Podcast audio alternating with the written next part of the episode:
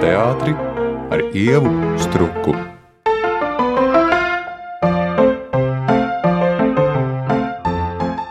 Mans sarunu biedrs raidījumā Šņurbēniņi ir režisors un dēls teātris mākslinieckais direktors. Viesturs Kairišs, sveiks, Viestur! Labdien, sveiki! Vispirms es gribu ne par amatiem, bet par uh, jaunāko izrādi, par uh, Henrika Ibsena brandu, ko es, protams, uztveru kā tādu diptiha daļu, jo galu galā tas iestudējis arī Pēru Gintu. Bet tu pats no šī diplomatīva vārda, jeb diloģijas vārda, kādā no intervijām mazliet mēģināji izvairīties un teici, ka tad, kad tu pabeidz iestudēt pēru gintu, tev prātā nenāca, ka tu varētu arī ķerties pie branda. Vai tas ir tāds mazliet ironisks joks, ja tu patiešām domāji, ka tu netaisīsi brandu? Nu, kaut kā jau viss ir saistīts, kaut kā arī negribas neko saistīt. Nu, katrā ziņā es nolēmu taisīt pērģintu, un tad es, protams, lasīju arī brandu tieši tajā posmā. Man Brāns vienmēr ir arī fascinējis, pat ļoti, bet tiešām arī vēlreiz lasot, likās, nu, nu žēl, ka to nevar uztaisīt. Un varbūt tāpēc, ka es ar kino nodarbojos, man pret teātri vienmēr attieksme, ka man nepatīk tādas noslēgtas struktūras, tādas pārāk hermētiskas lūgas, un nevar noliegt, ka Ibsena pēdējie darbi visi ir ļoti labi, pamatīgi uzbūvētas, tiešām dziļas un nopietnas būves. Bet nu, viņas ir ļoti hermētiskas, un nekad es neesmu viņas īsti apskatījis. Bet tādi agrīnie darbi, kur, ir, kur es redzu, ka viņš nav visu pārdomāti atrisinājis līdz galam, bet nu, kaut kā ļāvies gan poētiskam, gan savam drivam, kaut kādam. Nu, tās man kaut kā fascinējušas ir, jo tas ir vairāk tāds ceļš kopā ar šo tiešām smago norvēģu rakstura nesēju dramaturgu, un arī tie tēli tiešām tur ir diezgan ziemeļnieciski, nu, ko mēs jau arī daļēji kā ziemeļnieki, nu, bet nu, ne tik, tik lieli ziemeļnieki kā norvēģi, protams, kaut kur izjūtam. Nu, lūk, un, jā, nu, tad man likās, ka pārāk daudz teksta, kaut kas pārāk sarežģīts, pārāk nopietns. Bet, nu, protams, tas galvenais tēls, šis dieva meklētājs, ja divos vārdos to var nosaukt. Protams, fascinēja. Nu, viņš ir fascinējošs branda tēls. Tā kā nu, kaut kā ar laiku nācās nokļūt citā kontekstā, kur likās, ja es šeit gribu strādāt. Nu, tad man tas ir jātaisa. Tomēr. Tāpat kā Brāns izaicina Dievu, man arī mūsu vietējie dievi jāizaicina. Tad, jā. Kā tu skaidro, nu, teiksim, ja mēs paskatītos Eiropas vai pasaules teātra repertuāru, mēs jau pēr gintu īstenībā atradīsim, nu, ja ne gluži katru sezonu kādā Eiropas teātrī, bet tomēr ir iespēja izsekot ļoti dažādu režisoru un arī ārkārtīgi labu režisoru interpretācijām, bet brandu.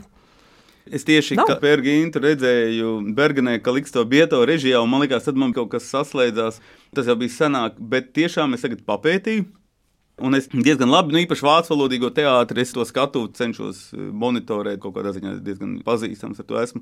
Un es atradu pirms kādiem gadiem, pieciem Frankfurtē, vienu iestudējumu.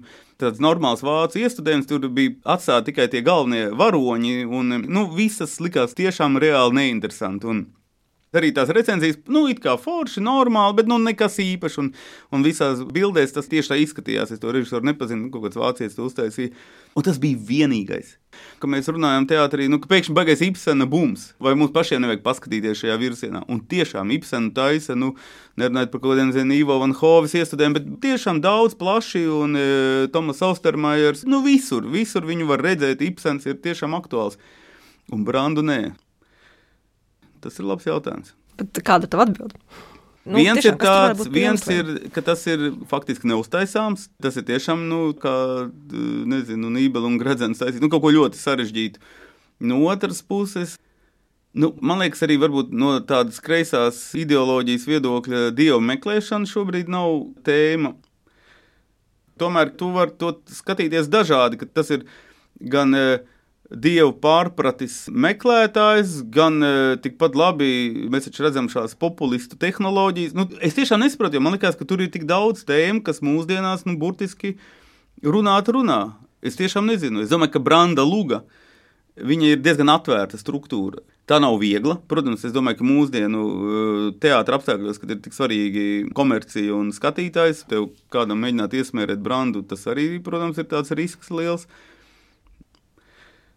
Es nezinu, jo man tas nesaistās ar kaut kādu pārāk labēju ideoloģiju. Man liekas, šis tēls, kurš upurē visu un beigās eh, nav sapratis pašu galveno par dievu vēsti, nu, kaut kādā veidā nav sapratis. Nu, ir tāds nu, ārkārtīgi iespaidīgs darbs, viens no tādiem lielajiem, lielajiem darbiem. Zini, man nav tam izskaidrojuma. Mm. Es nezinu, es arī necenšos pasauli tādā veidā izskaidrot, bet tas ir labs jautājums.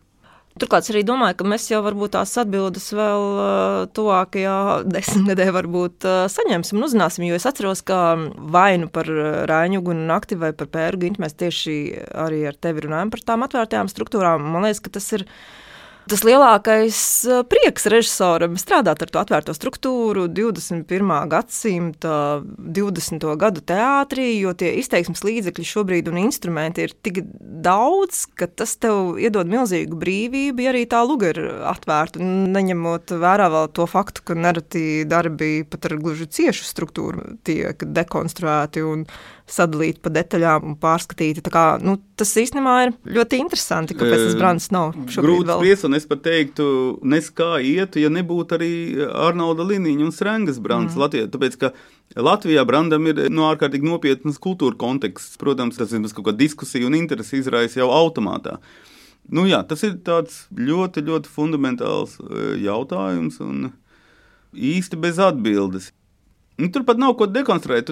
Teātris jau ir eh, tas mēdījis, kas notiek šobrīd. Nu, ja tu viņu neiestudē kā šobrīd, tad tas labākajā veidā ir kaut kāda tāda laba klasika, kas kalpo nu, nezinu, labiem aktieru darbiem, kaut kādai izglītībai, komercijai. Bet, nu, Tas mūsdienu teātris jau ir raksturīgs ar to, ka tieši šodien tas tā notiek šeit, un mums ir tam kaut kāda iemesla. Man liekas, Brandam idejas kļūst daudz to iemeslu, kāpēc šodien šos vārdus runāt. Man negribās it kā šī sarunā piesaukt iepriekšējo, respektīvi, vienīgo un pirmo brandu, bet, lai kā es pārzinātu Latvijas teātra vēsturi, man bija viens gads. Tev bija tātad trīs gadi, un mēs šobrīd, es atvainojos, bet mēs esam pusmūžā. Tātad tie cilvēki, kuri dalās atmiņās un uh, neaizmirstamās pārdzīvojumos par iepriekšējo iestudējumu, viņi tomēr ir vēl vienu kārtīgu strēķi vecāki par mums, bet aiz mums jau ir vairākas paudzes. Un, Kā tev šķiet, ir kaut kāds organisks intervāls, pēc kura ir būtībā arī tāds režisora pienākums katrai jaunai paudzei piedāvāt kaut ko no tās klasikas, jo citādi mēs visi runājam par kaut ko, ko neesam redzējuši, un, un aug tikai jaunas un jaunas paudzes, un mums neuzzina, ka ir tāds darbs. Un ka viņi var interpretēt tik dažādi. Nu, es nedomāju, ka tur ir jābūt kaut kādam uzdevumam. Nu, tas ir, man liekas, vienmēr arī personisks stāsts. Nu, es daudz ar Ilmāru Blūmbergu, viņš man tā kā paņēma savā paspārnē un ļoti daudz tādas sarunas, un, protams, Brands ļoti daudz viņš par to stāstīja. Es kaut kā jau biju aizskolies, kad es varoņu laukumu uztaisīju dēlēs, iemīlējos Jurijas Strengā, es atceros braucu pie viņa uz to jūrmālas māju. Un, Un mēs tur arī vazājāmies. Nu, es kaut kā pret kaut ko pievelkos. Nu, cilvēks vienmēr pievelks pret kaut ko, kas ir viņa interesu lokā. Un, un tomēr eh, tas bija ļoti interesanti. Bet tad, eh, kad es tiešām uzsāku šo Dāļas teātra mākslinieciskā direktora ceļu, tas man bija pietiekami svarīgi atkal to brandu taisīt, ka es negribēju tur ārkārtīgi diskutēt ar Arnoldu Liniņu, kurš arī bija mans pedagogs, nu, vismaz īsu brīdi. Pie Liniņa gan man bija ļoti vienkārši, jo Es atceros tādas runas nodarbības, kurās es ievēlos, un tur, nezinu, sēdēja Kaspars Notiņš, kurš ļoti gribēja mācīties runu, nezinu, Aurēlija Anožīta, kas vienkārši bija brīnišķīgi, un Arnolds jau tāds gados un tā, un man vajadzēja tikai prasīt, nu, kā tur bija Dēls teātrī, un viņš visu to nodarbību norunāja ar mani stāstot eh, par to ar lielu prieku. Es par to pat īsti neinteresējos. Man tikai patika tie lielie veči režisori, ka es viņiem vienkārši kaut ko prasīju. Man interesēja daudz vairāk, nevis kā tur pareizi runāt vai ko, bet nu, kā tur bija. Un tas jau ir kur tu visvairāk mācies, nu kā tur bija. Tā kā Blūmbergs ļoti daudz, un Modrs Tenisons arī tomēr pie viņa esmu mazliet eh, bijis, viņš mums kultūras akadēmijā pasniedza, un tas Brāns tur visu laiku virmoja, jo tas bija tomēr tāds leģendārs viņiem pašiem, nu, nav jau tā, ka man tur bija kaut kas leģendārs, es tā, nu, tā diezgan viegli prātīgi, bet es domāju, tas Jūras Trengas tēls, kas man jau dabīgi fascinē, ka tas teātris pēkšņi ir kaut kas cits, ka tur ir kaut kāds tāds nevaronis, tāds intelektuāls, tāds cilvēks, kas izskatās pēc kaut kā cita, nevis kaut kāda klasiska aktiera. Laikam tie bija tādi fascinējumi momenti, kas man vienmēr ir bijuši, jo es vienmēr laikam esmu meklējis kaut ko citu tajā mākslā un teātrī. Un, Nu jā, nu es vienkārši biju diezgan daudz tajā tēmā, nu, dēļ savām nu, kaut kādām dabīgajām interesēm. Un, uh, Tad jau likās, ka nu, Dailas teātris ir tāds nepaceļams uzdevums, to es vienmēr esmu uztvērs, un tad uzreiz nolēmu par to nesatraukties. Bet es domāju, nu, ka mēs to latiņu celsim kaut vai tādā veidā, ka mēs mēģināsim to darīt. Un lai tur cilvēki domā, ko grib. Un tāds tas ceļš iesākās kaut kā tīri dabīgi. Un, nu, tas ir dziļākā kontekstā par to pārmantojamību, jo es kad es par šo lietu vispār aizdomājos, jo es reāli par to nebiju nekad domājis. Un es aizdomājos apmēram tad, kad Vītols atkāpās no amata, jo kad vēl to džili tur iztūmu, vai viņš pats aizgāja, es vēl tā smējos. Bet tad, kad sapratu, ka būs kaut kāds konkurss, varbūt es pirmo reizi vispār ieklausījos par šo teātri. Un tomēr, ja es tā pāanalizēju, tad nu, mēs saprotam, ka tur tas smiļģis tam savam it kā skolniekam, Petersonam, bet, protams, ka skolniekam, nu, protams, ka viņš no viņa mācījās. Un ka tas Petersons tieši tam Blūmbergam, jo Blūmbergs viņš teica, ka, ka Petersons viņu kā students, ka viņš tur, tur naktīs, kā viņš ar viņu tur braukājis un tam līdzīgi, ka es pilnīgi jūtu, ka viņš viņam kaut ko nodot. Un tieši tāda paša šefība, tas Ilmārs par mani bija jaunu gurķi paņēmis un tur kaut ko man stāstīja. Un, un es tā kā jūtu, ka es patiešo pārmantoju to Dailas teātri, kas ir man vistuvākais. To Smilģa, Petersona, Blūmberga, tādu poētisko, tādu metafizisko, tieši šo līniju, to tiešo pārmantojamību, kurā pēkšņi es kaut kādā paradoxālā veidā stāvu kā nākamais. Es kaut kā to tā uztvēru, man pēkšņi nelikās vairs, ka Daila ir kaut kas, kas uz mani neatiecas. Un, jā, un, ja tu tā padomā, un es arī saprotu, kādu teātru es pārstāvu, ka es vienmēr esmu bakstījies šajā virzienā, nu, tad man likās, ka varbūt tas tomēr ir tas dailes ceļš, pa kuru atkal tas kuģis jāpagriež mazliet uz to pusi. Kur tas ir kaut kāds vēsturiskais, tas inovatīvais, tas smilģa, smilģa ceļš. Nu, vienkārši manas tās domāšanas pamatā bija atgriešanās pie saknēm, e, kas tomēr nozīmē pilnīgu novatorismu vienlaicīgi un tādu domāšanas maiņu. Nu, jā, nu, es tikai stāstu par to dabīgo. Nevar teikt, ka nu, tagad e, es kaut kā nolēmu taisīt brandu. Nu, tas viss kaut kā kopā ar to gāja ar šīm domām, kuras joprojām ir. Nu, viņas jau nekur nebeigsies, kamēr man paši tur palūks no turienes aiziet. Bet es tik mierīgi pret to izturos. Es priekš sevis esmu atbildējis, kāpēc tieši es tur esmu nonācis. Man tas ir skaidrs. Tas nav tā, ka es tā izdomāju vai sagribēju, vai situācija bija tāda. Nē, es sapratu tam loģiku, un, un tad es pie tā turos. Bet tagad, kad notikuši jau vairākas izrādes, vai tu jūti to publikas rezonanci un atsaucību?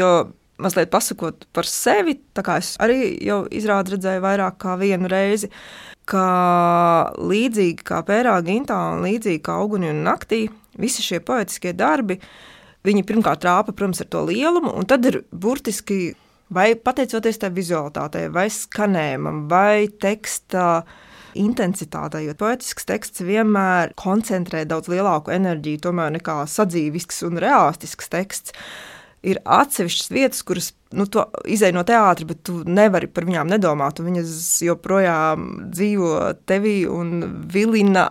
Tā kā tāda inde atgriezties un skatīties atkārtot kādu no šiem uh, lielajiem darbiem. Par to, protams, pirmām kārtām tev paldies. Bet, jā, vai tu pats redzi to izrādes tādu nevienādo dabu, ka ir vietas, kuras pilnīgi tā kā tādā būtas asumā trāpa, un ir vietas, varbūt, kur ir tā attēlpa gan aktieriem skatos, gan arī tam skatītājiem zālē. Respektīvi, jā, vai tu redzi to izrādes dzīvi tagad, kad tā ir pabeigta nodota skatītājiem?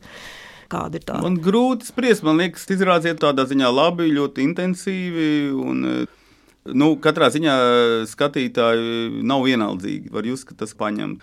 Tas, ka tas ir ļoti grūts materiāls, savā ziņā es negribētu teikt, ka tur jābūt sagatavotam. Es tiešām negribētu tā teikt. Protams, ka viņi ar to intensitāti ir tāda ļoti. Nu, tāda savādāka. Tam es varētu piekrist. Tomēr tas teksts un pašam prieks, kā tur viss ar aktieriem un tā. Un, nu, mums jābūt tādiem lielajiem darbiem, un mums jāmēģina ar tiem kaut kā komunicēt ar sabiedrību. Tas ir mums jādara, ja mēs gribam saukties par teātri. Cik bieži tas jādara un e, cik grūti to panākt? Nu, nezinu, nu, tur jāmeklē vienmēr tie veidi. Nu, jāmēģina arī tas kopējais teātris veidot tā, ka šādi darbi nav kaut kas tāds pilnīgi zibens no skaidrām debesīm, bet loģiski izriet. Es arī esmu par tādiem attraktīviem, nu, kādai no attraktīvas viņš ir ļoti. Es nezinu, nu, man grūti spriest. Skaidrs, ka, skaidrs, ka jādomā jādomā, kā šādus darbus veidot. Un skaidrs, ka jādomā arī citādā veidā, kā darbus veidot. Es saku, tā, tā baigi globāli to nevaru atbildēt, e, jo man liekas, ka nu, teātris būtība ir tomēr kaut kāda dziļāka saruna. Ir svarīgi mēģināt to izdarīt. Protams, ka mēs viņu nenospēlēsim visticamāk tik daudz reižu kā komēdijas vai tam līdzīgi. Pagaidām viss ir diezgan labi tur izskatās, bet eh, es zināmā mērā priecājos, ka mēs to izdarījām. Es priecājos, ka cilvēki, var teikt, nepaliek vienaldzīgi. Tādā vārdu tiešākajā nozīmē, to pēc tā feedback es jau jūtu, kurš darbs tiešām ir tā svarīgi aizgājis. Tas neredzamais, kas jau jūtams, tāds zināms, tāds garīgs satricinājums un, un kaut kāda nevienaldzība. Nu, nu, ar to es pat nevaru teikt, to skatītāju, ar, ar mūsu skatītāju. Nu, tas nav tik vienkārši tas, bet vienlaicīgi es redzu, ka šobrīd Latvijas skatītājs nu, kaut kā iet uz to teātri. Protams, skaidrs, ka vairāk iet uz tādiem, kur tu tiešām patīkami izklaidējies, cerams, intelektuālā veidā, un nu, skaidrs, vai kur tur kārtīgi var izsmieties. Nu, tas tā kā vienmēr būs, to jau mēs nevaram atcelt. Bet šobrīd šī jau ir mana pirmā sezona. Mēs jau pat īsti nesapratām, kas iet, kas neiet. Tur tā puszāle kaut kāda, nu, bija kaut kāds nesaprotams process. Mēs jau bijām pārliecināti, ka arī šogad visi jau saprata, ka būs tā krīze, biļetes nepirks, un ir noticis pilnīgi pretējais. Es pat nezinu, kur tā krīze ir, un visticamāk jau viņa nevar nebūt. Viņa kaut kad iestāsies. Vai arī skatītājs grib iet vēl uz teātri, kamēr vēl var atļauties. Vai arī tas karš ar to covid, ar ka cilvēki grib uz to dzīvo, iet kaut kā par spīti tam vājprātam, ka cilvēki grib kaut kā iet kopā un skatīties kaut ko, veidot kaut kādu kolektīvo pieredzi. Nezinu. Tieši šobrīd ir kaut kāds, man liekas, teātris zelta laiks. Es to redzu tieši pēc tā, ka tiešām izpirkts ir gandrīz viss izrādes. Un, un ir kaut kāda vēlme komunicēt. Nu, ja tā vēlme arī saglabāsies tik liela, un varbūt es jau negribu arī noniecināt visu mūsu darbu, nu, kad varbūt arī mēs ar savu darbu, nu, arī mazliet esam panākuši kaut kādu pretīm nākšanu. Tā kā nu, šobrīd, nu, jāsaka, ir laiks, kad var domāt par to bišķi kaut ko. Nu, nopietnāku vai sarežģītāku reizi reizē. Jo visu laiku es jau kā teātris vadībā cilvēks, es esmu visu laiku tas kritiskais daļai. Es redzu, ka es saku, man liekas, kur mēs nonāksim, kur mēs nonāksim, ja mēs tikai tagad skatīsimies kopā. Es tur, man liekas, visiem jau esmu mazliet eh, novicis, ka es saku, nedrīkst skatīties, kas ir šodien. Tev vienmēr jāsaprot, vai tas ir pareizi. Un jau redz, tur kaut kādas, piemēram, izrādes, kur jau vienkārši neviens pat nezina, kāda viņa sanāks, bet ir tāds nosaukums. Un viņus pērk jau tur vienkārši mēnešiem uz priekšu. Un, un tad uzdevumi, vai tas ir tik viennozīmīgi labi? Varbūt tas ir tieši nepareizi. Varbūt, lai pērk mazliet sliktāk, bet, bet es varu teikt, pirmā sezona man tur ir. Un es par šo domāju, analizēju, cenšos saprast. Un, un tomēr es to vienmēr esmu sapratis, ka nu, teātris ir priekšskatītājiem, tas ir ļoti svarīgi. Skaidrs, ka nevajag skatītāju tur mācīt, audzināt, nu, tas ir ļoti slikti, bet vienlaicīgi veidot tomēr vajag. Tu nedrīkst tikai paļauties, ātri konstatēt, uz ko skatītājs visātrāk pavelkās. Un e, būt no tā atkarīgs un to tikai ražot. Nu, es ceru, ka mēs arī nekad nenonāksim tādā situācijā, bet es redzu šos bīstamos ceļus, kas tā varētu būt. Nu, jā, nu, es tādā ziņā gribu repertuāru politikas balansu, un tomēr mums ir iespēja arī runāt nopietni, efektīvi, jaudīgi, nebaidīties ne no kā, nu, tādā garā. Nu, Nu, jā, nu tas tā lēnām te top visu acu priekšā un ļoti interesanti tajā piedalīties.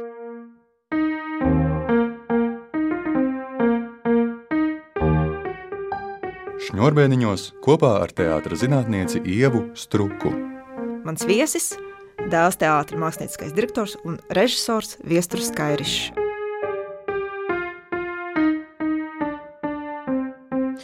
Noslēdzot par brandu, es tev gribu pajautāt par branda tēlotāju, proti, par ievu segliņu. Nu, ir skaidrs, ka viņas personība ir bijusi izšķiroša, lai brands izdotos tāds, kāds tas ir viņas tēlojumā.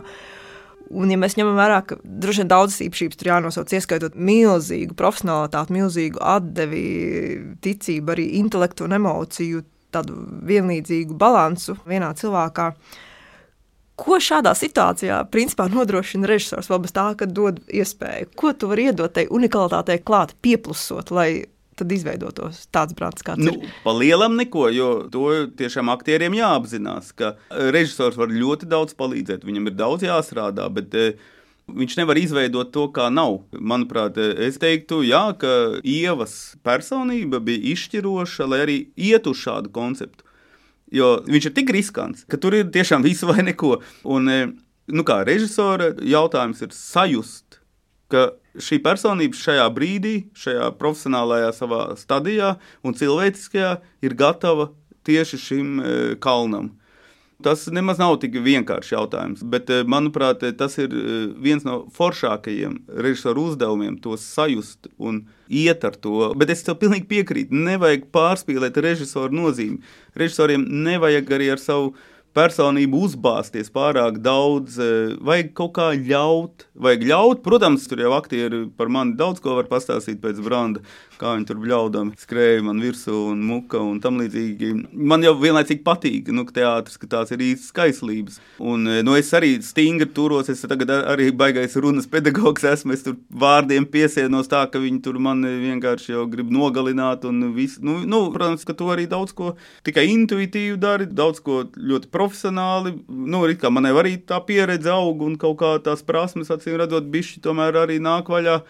Bet nu, tā ir tāda kombinācija, ko tu kopdarbā tikai kaut kā sabalansē. Bet, uh, Tieši tā, režisors tur neko neiedos, ja aktieris nav gatavs to veikt.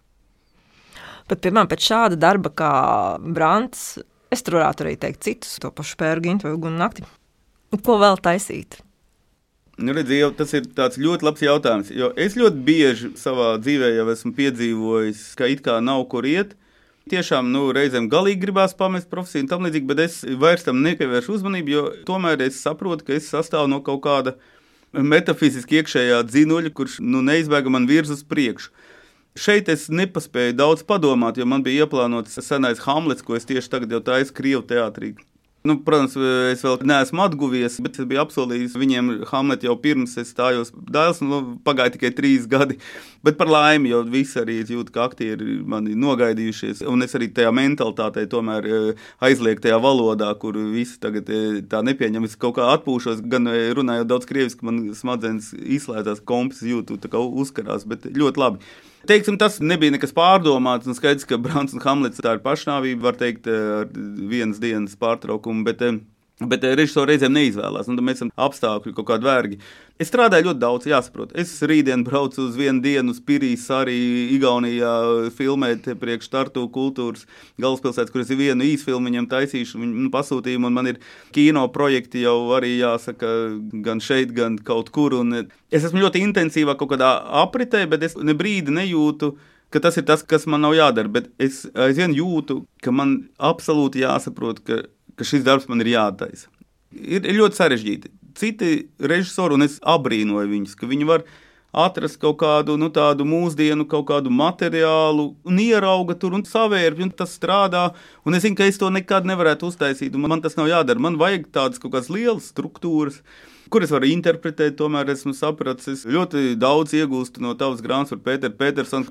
Nu, es jau kā praktiķis skatos, kur Petersons ļoti daudz saistīs sev sarakstītās lūgas un ļoti daudz tādu komentāru, ka nu, tur viņš nebija tik brīvs tajā interpretācijā. Un to es tieši pēc sevis sajūtu, ka reizēm, kad ir lūga kā tāds kaut kas autentisks, ka tu neesi brīvs interpretācijā, bet tev viņu vajag tā kā uzlikt nu, ka es tur vienmēr zaudēju, un es abrīnoju citus, kuri māca to izdarīt. Līdz ar to man ir šī interpretācija. Kādu iemeslu dēļ es nezinu, bet nu, tā ir tā lieta, kurā es vislabāk jūtos. Un tad es jūtos tiešām brīvs, man vajag to lielo materiālu.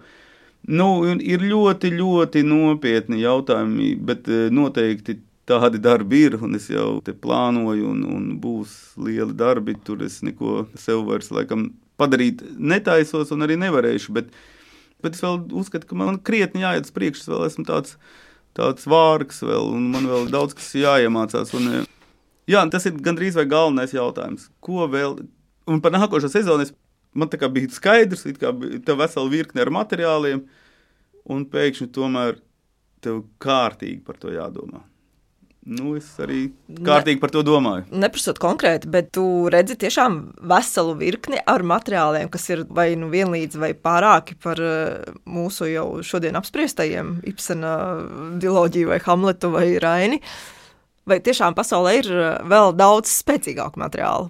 Pat nu, nenosaucot. Es tev gribu pateikt, ka no Raiņas esmu uztaisījis vienu lugu, bet eh, nu, nevar teikt, ka ir ļoti daudz lugu, kas ir spēcīgāks par šo ko es esmu uztaisījis. Es nezinu, es godīgi sakot, nezinu. Es arī lieku visiem meklēt. Es gribētu kādu mūsdienu atrast tādu. Ne, nu nav tāda virkne, es visu laiku kaut ko iztēlojos. Bet tad es priecājos, ka kāds to paņem. Jā, jā, man visticamāk, to nevajadzēja taisīt. Tāpat, kad es apspriedu, ka Brehta kaukāziešu krīt aplis, izlasīju, ka nu, šis ir rīktīgi mans materiāls. Nu, nu labi, forši, ka dati tā vārds to taisa. Man Brehts varbūt nav vienkārši priekš manis, kaut viņš pārstāv episko teātru, es teorētiski arī episko teātru pārstāvu, bet no kaut kādām citām pozīcijām. Nu, jā, ar šo un to man tā ir. Starp citu, ja tev noteikti ir idejas par mani, man var sūtīt īsiņu formā. Jo redz, ne jau lieta vēl ko taisīt ir tomēr jāsaprot, kāpēc tu šodien to taisi. Nu, ja nav atbildes, tad labāk pagaidīt, un varbūt pēc kāda gada pats no sevis. Jo es vēlreiz uztveru, ka es tomēr netaisu tādu klasiku. Es tomēr nu, meklēju to, kas atbild uz šodienas jautājumiem. Un, nu kā, nu es arī senos tekstus lasu, un es nezinu, nu, gal galā veco derību varētu dažas grāmatas uztaisīt un tam līdzīgi. Nu, ir man dažādas idejas. Es gribu, lai tu tomēr publiski pasaki, kas tad spēlēs Hamletu. Tas bija tā, ka man bija ideja pirms trim gadiem. Tas ir Maksims Busels. Viņš bija izgājis no teātra un tagad dēļ kara atgriezās teātrī, saprastams, ka viņš netaisās Krievijā palikt. Un, e, līdz ar to man pavērās šī iespēja, kas bija manas idejas pamatā. Jā, tas būs Maksims. Nu, skatīsimies. Jā. Visi apspēlē nelaimīgo frāzi, būt vai nebūt. Bet, ja mēs šo atmetam, kas ir tas vadmotīvs vai tie vārdi, kuri Hamletā tev šodien ir e, svarīgi? Nu, tas nav tik vienkārši. Es to taisu krievu valodā, pasternaka tulkojumā. Kā saka, visi speciālisti šo neatzīst par labāko, bet visi režisori taisa šo tulkumu, jo viņš tiešām dod tev kā māksliniekam lielāku tēlēnību. Man šo darbu bija svarīgi nevis vispār taisīt, bet tieši krievu valodā taisīt. Jo es tur saskatīju pirmkārt to, ko jau es visu laiku jūtu, veids, kā viņi tiek galā ar konkurentiem, ir šī indēšana kad Putina laikā tika indēti visi, es domāju, kur es to esmu redzējis. Un man liekas, tieši Hamletā, jo tur taču arī visu laiku indēja viņu viens otru. Un tas man tāds fenomens liekas, ka mūsdienās, kur var dažādi noslepkavot, tas ir pēkšņi tik pieprasīts. Bet tad vēl viens mans atklājums. Visi grib taisīt to romantisko Hamletu, un tur vienmēr ir milzīgas problēmas ar to Fortinu, Brasa un kaut kādi politiskie apstākļi. To neviens nesaprot, ko lai ar to dara, cenšas to izgriezt. Nu, lūk, un es pēkšņi sāku skatīties, tur taču divas brāļu tautas - Dānija un Norvēģija. Un viena tāda vairāk brāļu, tā teikt, vecākie brāļi, kā Dānija. Un tur taču ir teksti tiešākā veidā, kur viņi nesaprot par to teritoriju, ka dēļ šīs zemes strēles, kur pat nevarēs apglabāt šo cilvēku, ka viņi tagad šitā cīnās. Tur ir tā kā viens pret vienu, un e, es e, to visu stāstīju Mūsu teātrī uzturējās Romanis Dalžānskis, arī kurš bija man jau sens paziņa no Maskavas, kurš nācija teātrī un netu vadītājs, kurš jau aizmuts arī no Krievijas. Un viņš tiešām bija pārsteigts, ka es šo esmu visu saskatījis. Viņš pārlasīja, un viņš tiešām arī lielu pārsteigumu konstatēja. Man liekas, kā tas visiem nav sen skaidrs. Es viņu palūdzu, lai viņš palīdz man ar dramaturgiju, jo es to krievu specifiku tik labi nepazīstu. Tad mums ir izveidota tāda Rodānija un, un Norvēģija. Nu, bet nu, tas tā viss ir reāli, tas viss. Un, protams, ka man šī mūsdienu realitāte, ko mēs ar šausmām vērojam, ļoti palīdz to visu kaut kā saprast un interpretēt. Un tas man ļoti patīk. Esmu vairākas reizes strādājis ar Šekspīru. Es vienmēr esmu iegūmis ļoti daudz pozitīvas emocijas. Esmu Sapni vasaras naktī operā Berlīnē taisījis, es esmu Magbetu vai arī Darmštatē operā taisījis.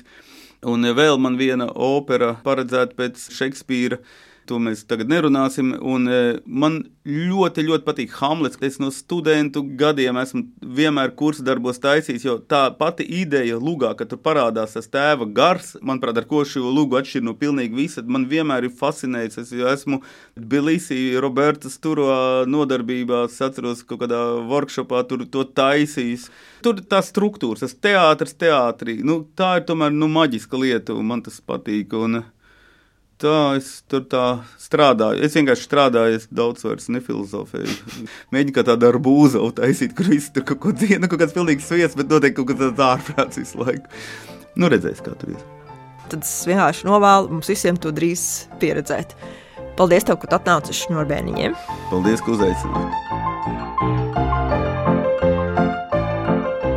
Mans sarunu biedrs raidījumā Šņurbēniņa bija režisors un dēls teātris mākslinieckais direktors Viesturs Kairišs. Ar viņu sarunājās Ieva Struka.